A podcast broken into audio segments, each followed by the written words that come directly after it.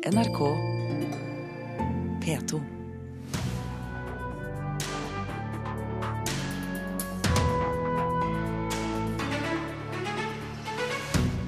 Kjendiser oppsøker oss for å snakke om problemene sine, forteller God morgen Norge. Dobbelt så mange snakker ut som i 2010. 2500 kulturhistoriske bygninger trenger vedlikehold, råtner i våtere og varmere klima. Og stor internasjonal interesse når Norge som første land i verden går over til digitalradio. Velkommen til Kulturnytt. Mitt navn er Stine Tråholt.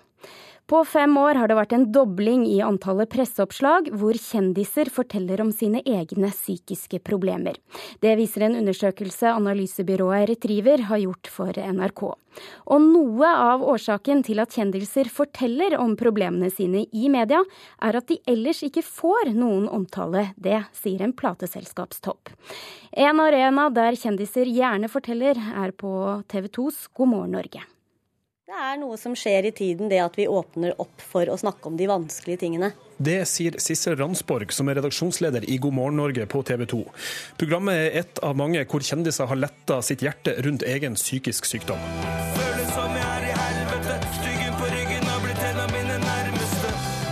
Pressens interesse for dette temaet har kanskje aldri vært større.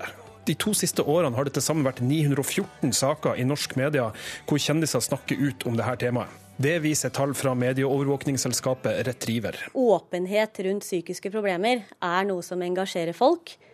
Det er en litt sånn trend i tiden at stadig flere ønsker å snakke om det. Og vi ser at seerne responderer spesielt bra når det er kjente folk som gjør det, fordi det anerkjenner også da, at det å ha psykiske lidelser er noe allment og vanlig. Men samtidig så er scenen et sted som er knytta til angst? Ja, angst og disse tingene her føler jeg det er, det er jo en del av helheten, på en måte, det òg. Nei, det var jo eh, det der eh, ufattelige mørket. Kristoffer Lo i Highas a Kite og Lene Marlin er bare to av mange artister som har snakka om psykiske problemer på NRK. Jørn Dalkov i plateselskapet Da Works sier at det de siste årene har blitt vanskeligere å sikre sine artister presseomtale dersom de ikke har en personlig historie å fortelle. Det er på en måte forventet i det hele tatt hvis du skal ta kontakt med i hvert fall mange av disse klikkbaserte mediene, så trenger du å ha noe mer enn musikk å snakke om.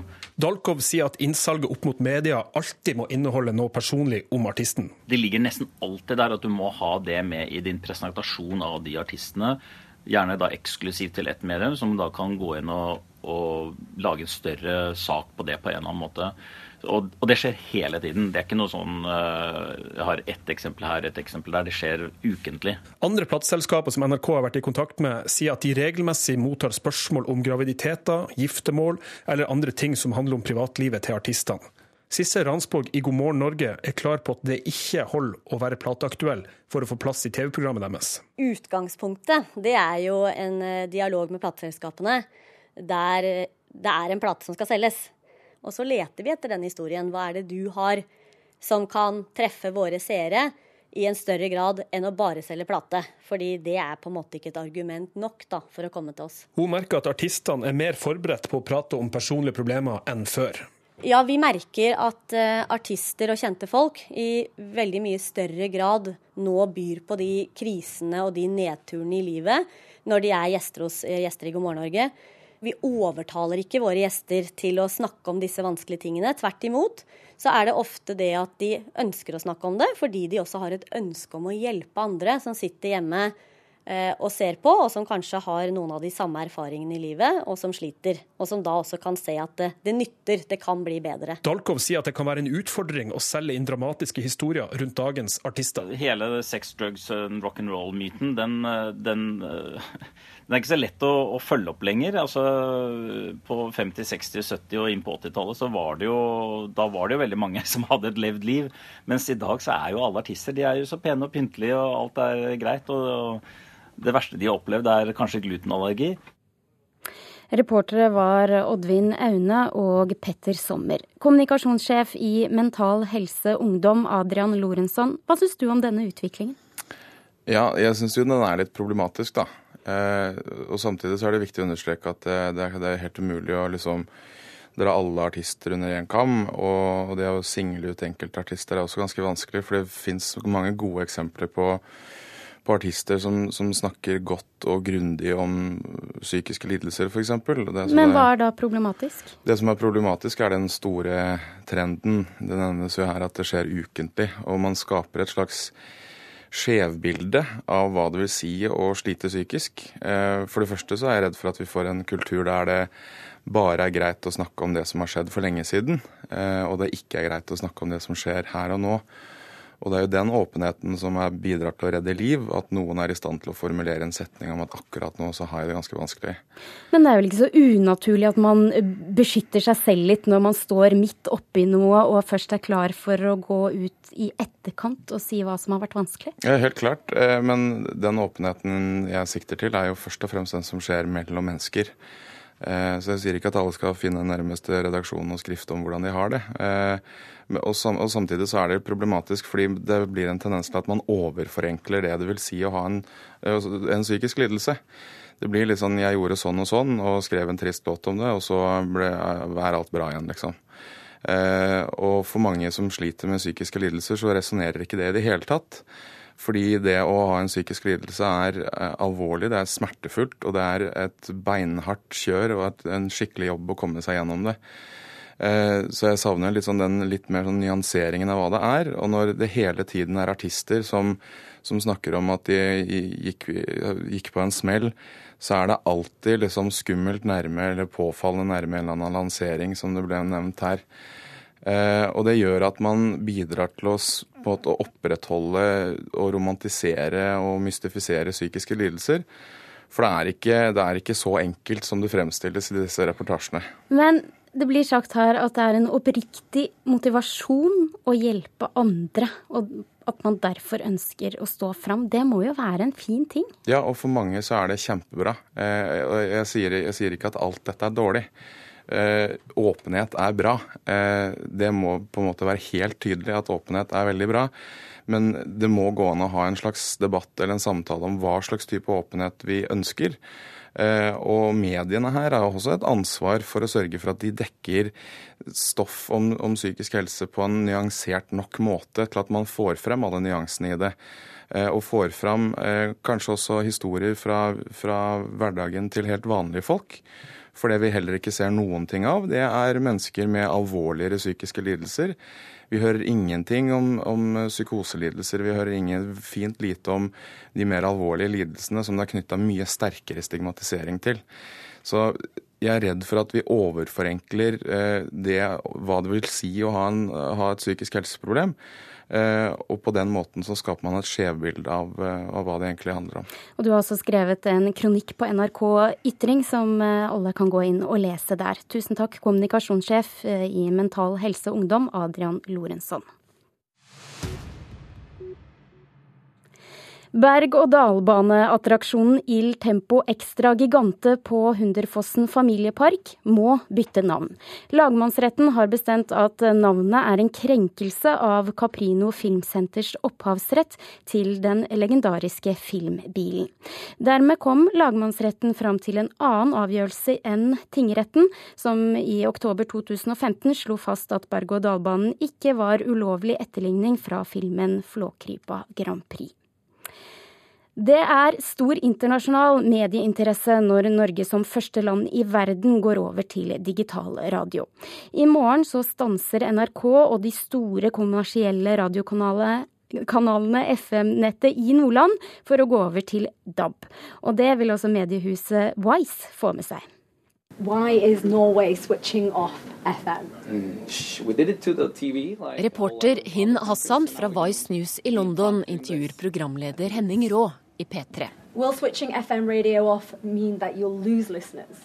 Hun og TV-teamet hennes har tatt turen til Bodø for å dekke den historiske begivenheten når NRK og de store kommersielle radiokanalene i morgen stanser sendingene sine på FM-nettet i Nordland og går over til DAB. Innen ett år skal hele landet ha bytta radionett.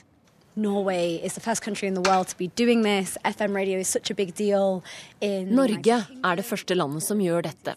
FM er stort i Storbritannia og i USA, og vi vil finne ut hvorfor dette gjøres og hva det vil bety, sier Hassan.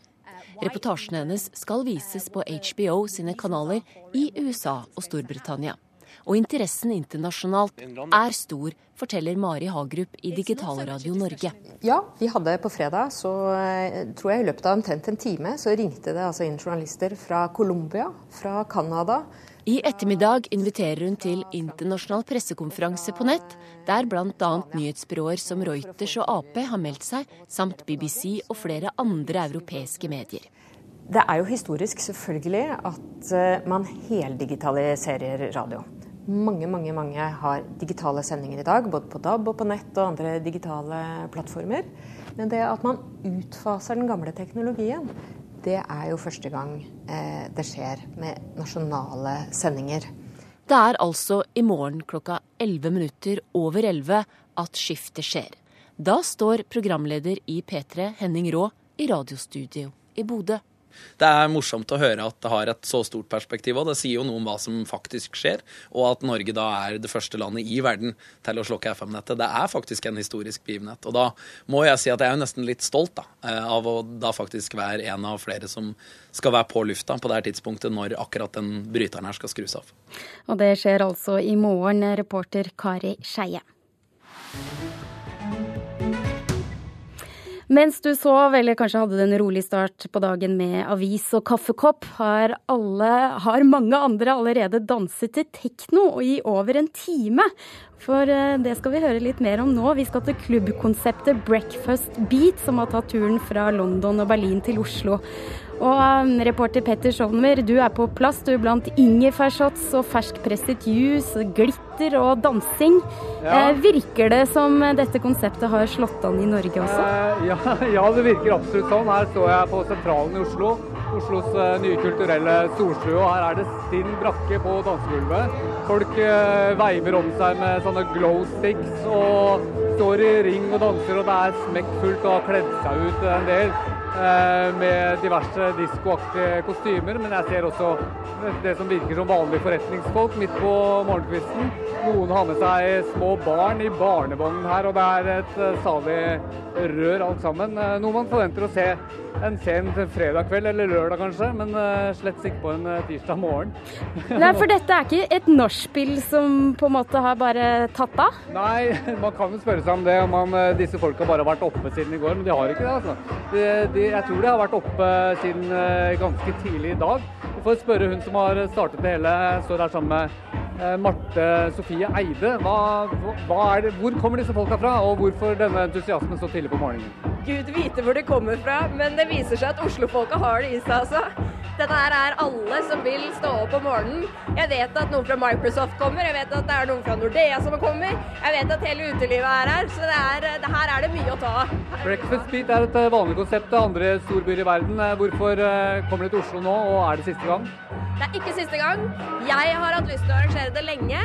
Jeg har snakket med flere som også har vist seg hatt lyst til dette kjempelenge. Og vi har satt oss ned på en kafé og funnet ut at nå gjør vi det søren meg.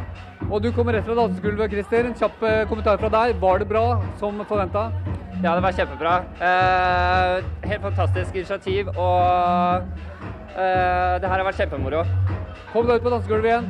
Vi takker for oss eh, her fra sentralen foreløpig. Vi skal holde på å danse en times tid, i hvert fall her eh, nå på tirsdag morgen. Du hører på Kulturnytt, og klokken er nå 17 minutter over åtte, og dette er nyhetsoverskriftene denne morgenen. Norge bidro i 2009 til at en kommandant i Taliban ble løslatt fra fengsel i Afghanistan elleve år før tiden.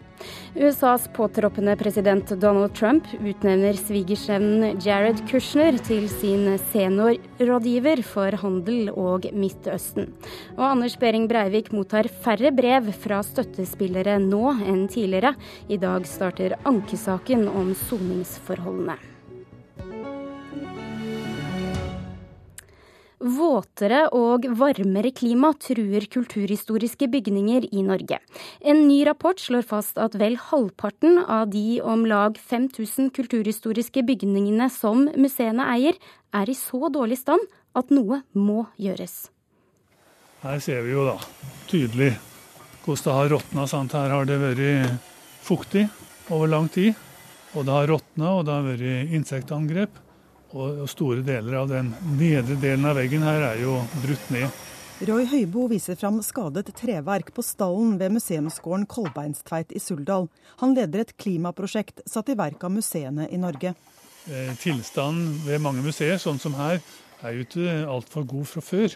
Og det er klart med et tøffere klima, så vil denne type skader akselerere. For når det blir våtere, trives både grønske, mose, skadedyr og rust bedre.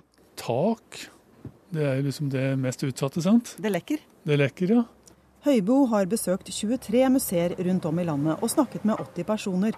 Han fant ut at det trolig trengs reparasjoner på halvparten av de om lag 5000 kulturhistoriske bygningene som museene driver.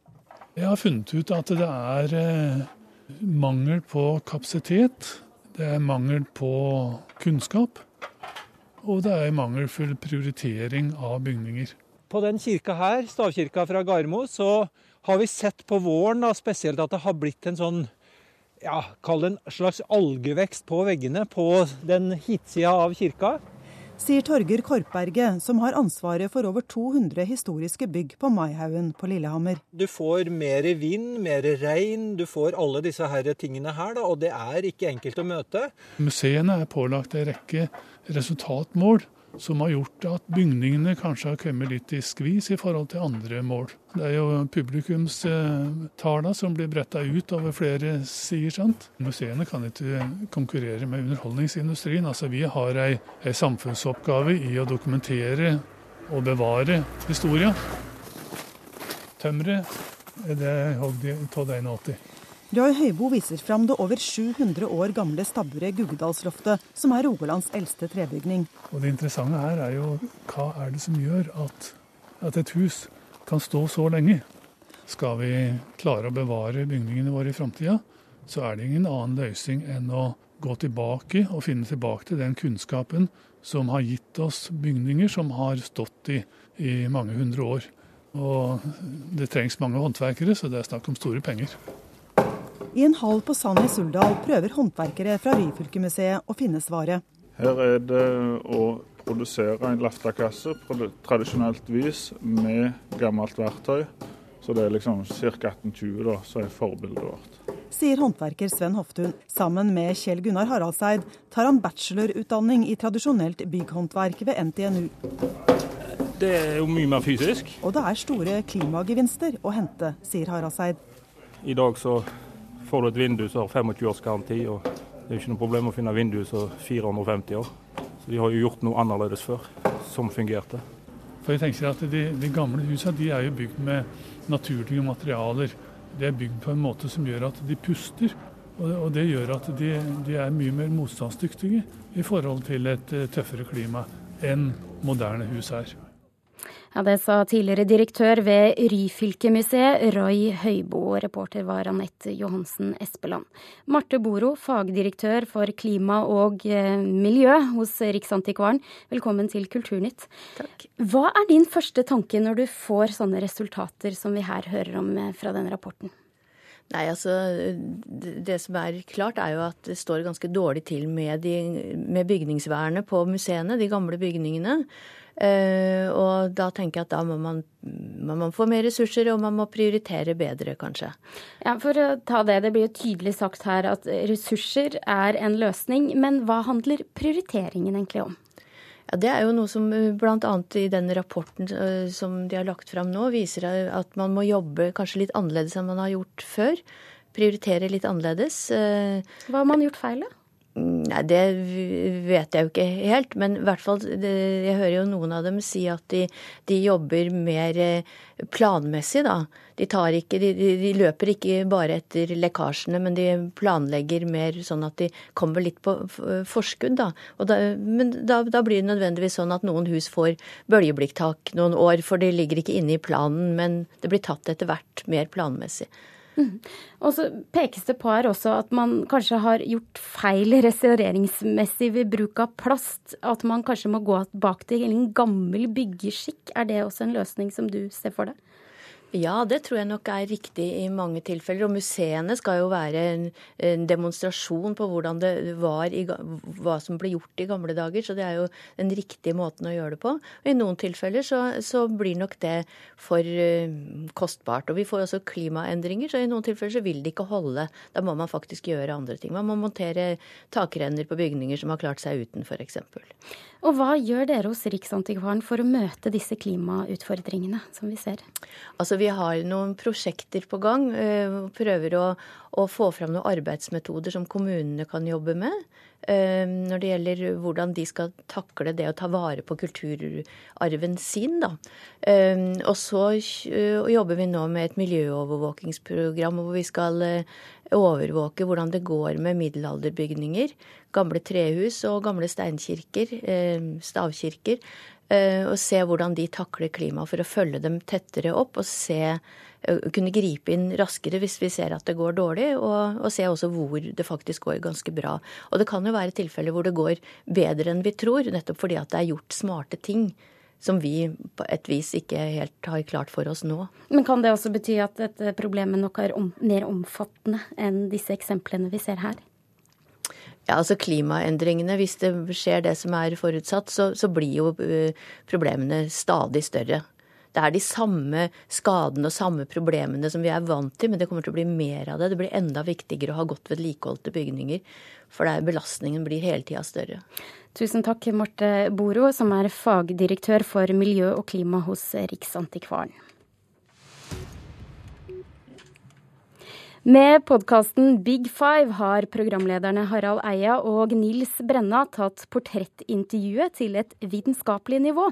Her har gjester som Ane Dahl Torp, Fredrik Skavlan og Åsne Seierstad måttet ta en personlighetstest som måler bl.a. hvor utadvendte, varme, åpne og strukturerte de er. Og på søndag så tok eh, konseptet over, eh, steget over til radio og debuterte her på P2 under navnet Sånn er du. Og første gjest var Carl Karl Ove Knausgård, som skårer skyhøyt når det gjelder tendens til å kjenne seg trist og nedstemt.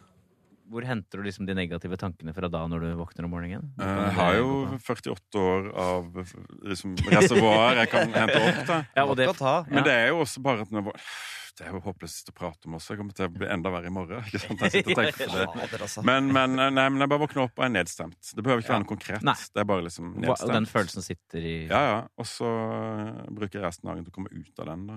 Ja. Men som sagt, når jeg, når jeg, er da sammen med barna, eller i de situasjonene, så, så, er det ikke det det handler om. Og det som er hele greia, det som er hele mitt liv, er å oppsøke situasjoner hvor jeg sjøl forsvinner. ikke sant? Det er derfor jeg skriver. for da spiller ikke det noen rolle. ikke sant? Da er det andre ting det handler om. Da glemmer jeg meg sjøl. Ja. Også hvis jeg spiller fotball eller, ja. eller fisker eller er med barna, eller sånne mm. ting, så, så fins ikke jeg sjøl, og da, da, er det bra. Ja. Så det er, fordel, det er, på en måte fordel å ha fire barn? Det er veldig bra. Det er så mye liv, og, og, ikke sant? og der er det masse glede. Og, det er alt mulig, da, så klart, men det, men det er et kaos som, eh, som jeg liker veldig godt eh, å være i, da. Ja, det var et klipp fra 'Sånn er du' med Karl Ove Knausgård. Harald Eia, lærte du noe nytt om Knausgård via denne metoden som du ikke ville gjort ellers, tror du? Ja, jeg fikk ryddet opp i et par ting. For det første så visste jeg at han var en nevrotiker. Eh, at han har anlegg for tungsinn. Men eh, det var nytt for meg at han egentlig ikke er noe engstelig. Han gruer seg ikke for ting. Han har ikke noe anlegg for angst. Og så var det også nytt for meg det at han er såpass ambisiøs at han har lyst til å være best. Han har framstått for meg som jeg bare driver med den der jeg skriver og skriver. Som han har virkelig lyst til å skape den største romankunsten av alle. Og så var det akkurat som om han etter hvert avslørte at han hadde ikke vært for at han var så nevrotisk og selvbevisst og engst, deppa, så hadde han vært en glad gutt. Så det er noe sånn glede under der som holdes nede av nervene. Du må fortelle oss litt kort hvordan denne metoden fungerer. Hva går det ut på?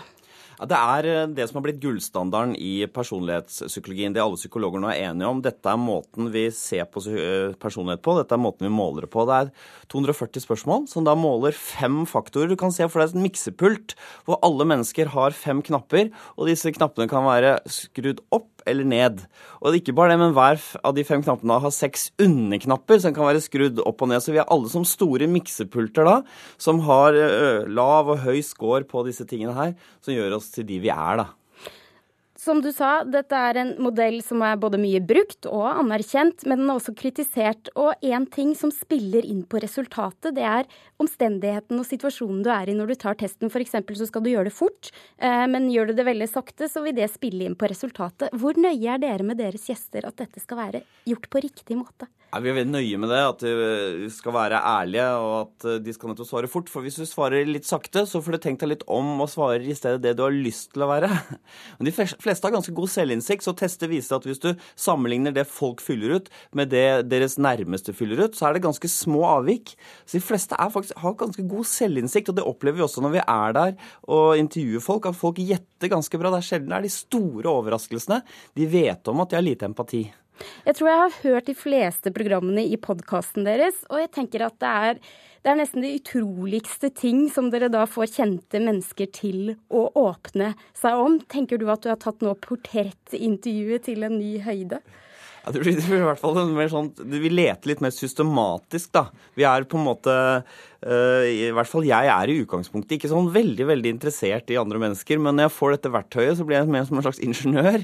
Så det betyr at vi kan, uh, istedenfor at vi må være gode menneskekjennere, så har vi dette skjemaet vi bare kan gå systematisk gjennom. Så det er en, mer, mer en slags sånn, hva skal jeg si, de li, dårlige menneskekjennernes verktøy for å portrettere andre. Men allikevel, det kommer jo veldig mye fram som er ganske ufordelaktig også for gjestene sine. Hvordan takler du det da? Nei, vi har prøvd å lage en sånn stemning i det programmet som er sånn Vi, eh, vi eh, rangerer ikke, vi sorterer. Altså det fins ikke noe dårlig eller godt. Det er bare Vi dyrker det menneskelige mangfold, og det håper jeg også at lytterne sitter igjen med. En sånn, At man istedenfor å dømme F.eks. før var jeg sånn Folk som har lite fantasi, som jeg har mye av, syns jeg er litt kjedelig. Men nå tenker jeg nei, dette er et mangfold. Det er, det er herlig. Vi er, et, vi er masse rare mennesker som det er bare å omfavne. Og nå heter også programmet Sånn er du, og du kan lytte til det på P2 på søndager. Tusen takk, eh, Harald Eia, for at du kom til Kulturnytt. Eh, produsent for denne sendingen har vært Elisa Stokke. Nå får du snart eh, Dagsnytt. Hør flere podkaster på nrk.no podkast.